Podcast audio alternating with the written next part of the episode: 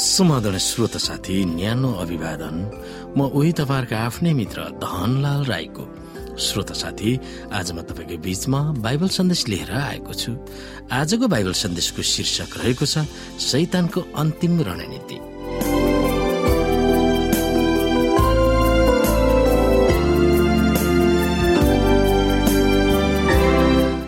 श्रोत साथी कतिपय मानिसहरू संस्था र सरकारमाथि गहिरो भरोसा नभएको विभिन्न सर्वेक्षणले देखाएको छ।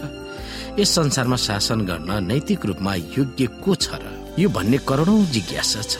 तर धार्मिक र राजनैतिक शक्तिहरूलाई एक गरेर संसारलाई नैतिक रूपमा नेतृत्व दिन्छ भनेर विश्वास दिलाउने शक्ति पशु हो भनेर प्रकाशको पुस्तकमा लेखिएको भविष्यवाणीले पहिचान गरिदिएको छ। आउनु श्रोत साथी प्रकाशको पुस्तक सत्र अध्यायको बाह्रदेखि चौधलाई हामी हेर्न सक्छौ। पृथ्वीको अन्त्यको इतिहासमा हुने अन्तिम दृश्यहरू यहुनाले कसरी वर्णन गर्दछन् यहाँनिर? यहाँ वर्णन गरेको दृश्यहरूमा के प्रभावकारी भिन्नताहरू छन्?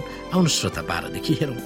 तिमीले देखेका ती दसवटा सिंह चाहिँ दस राजाहरू हुन् जसले अहिलेसम्म राजकीय शक्ति पाएको छैन। तर तिनीहरूले त्यस पशुसँग छोटो समयको निम्ति राजाकै अधिकार पाउनेछन्। तिनीहरू एकै मनका छन् र तिनीहरूले आफ्नो शक्ति र अधिकार त्यस पशुलाई सुम्पर्नेछन् तिनीहरूले थुमाको विरुद्धमा युद्ध गर्नेछन् र थुमाले तिनीहरूलाई जित्नुहुनेछ किनकि उहाँ प्रभुहरूका प्रभु र राजाहरूका राजा हुनुहुन्छ। उहाँको साथमा हुनेहरू चाहिँ बोलाइएका चुनिएका र विश्वासयोग्यहरू हुन्। श्रोता योहन्नाले तीन महत्वपूर्ण विषयहरू औल्याउँछन्।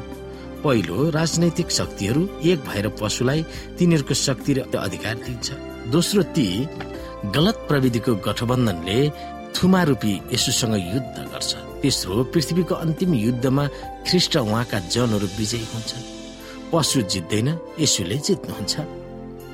श्रोता राष्ट्रहरूलाई एक पार्ने शैतानको रणनीति कस्तो छ के तपाईँले कहिले सोच्नु भएको छ?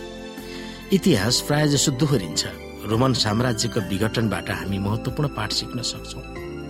जब उत्तरबाट जर्मनहरूले आक्रमण गरेर पश्चिमी युरोपलाई तहस नस पारे तब रोमको सम्राट कन्स्टेटिनले आफूलाई धर्मतिर लगाए। चर्चको आधिपत्य र रोमी सरकारको एकता नै कन्सटेटाइनलाई चाहिने औजार थियो। चौथो शताब्दीमा सूर्य पूजा गर्ने दिन आइतबारलाई चर्चमा घुसाएर त्यस दिनलाई पवित्र दिन भनेर घोषणा गर्नुको अर्थ रोमी साम्राज्य धर्म र राजनीतिको गठबन्धनले एक गर्ने सम्राटको नियत थियो।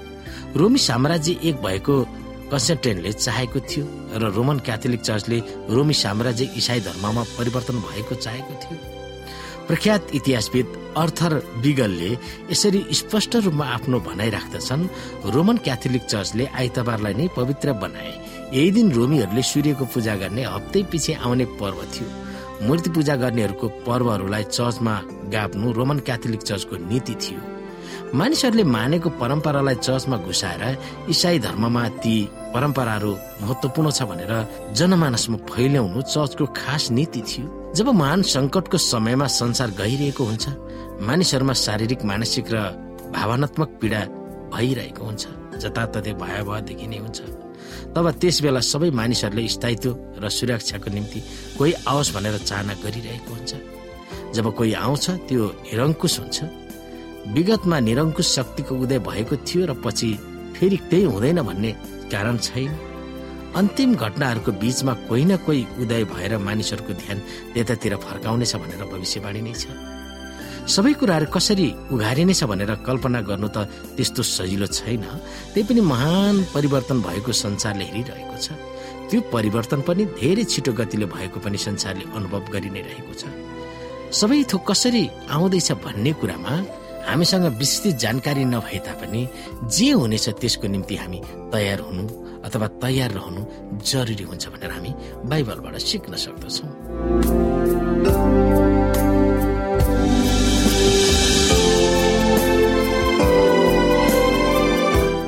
श्रोता साथी आजको लागि बाइबल सन्देश यति नै।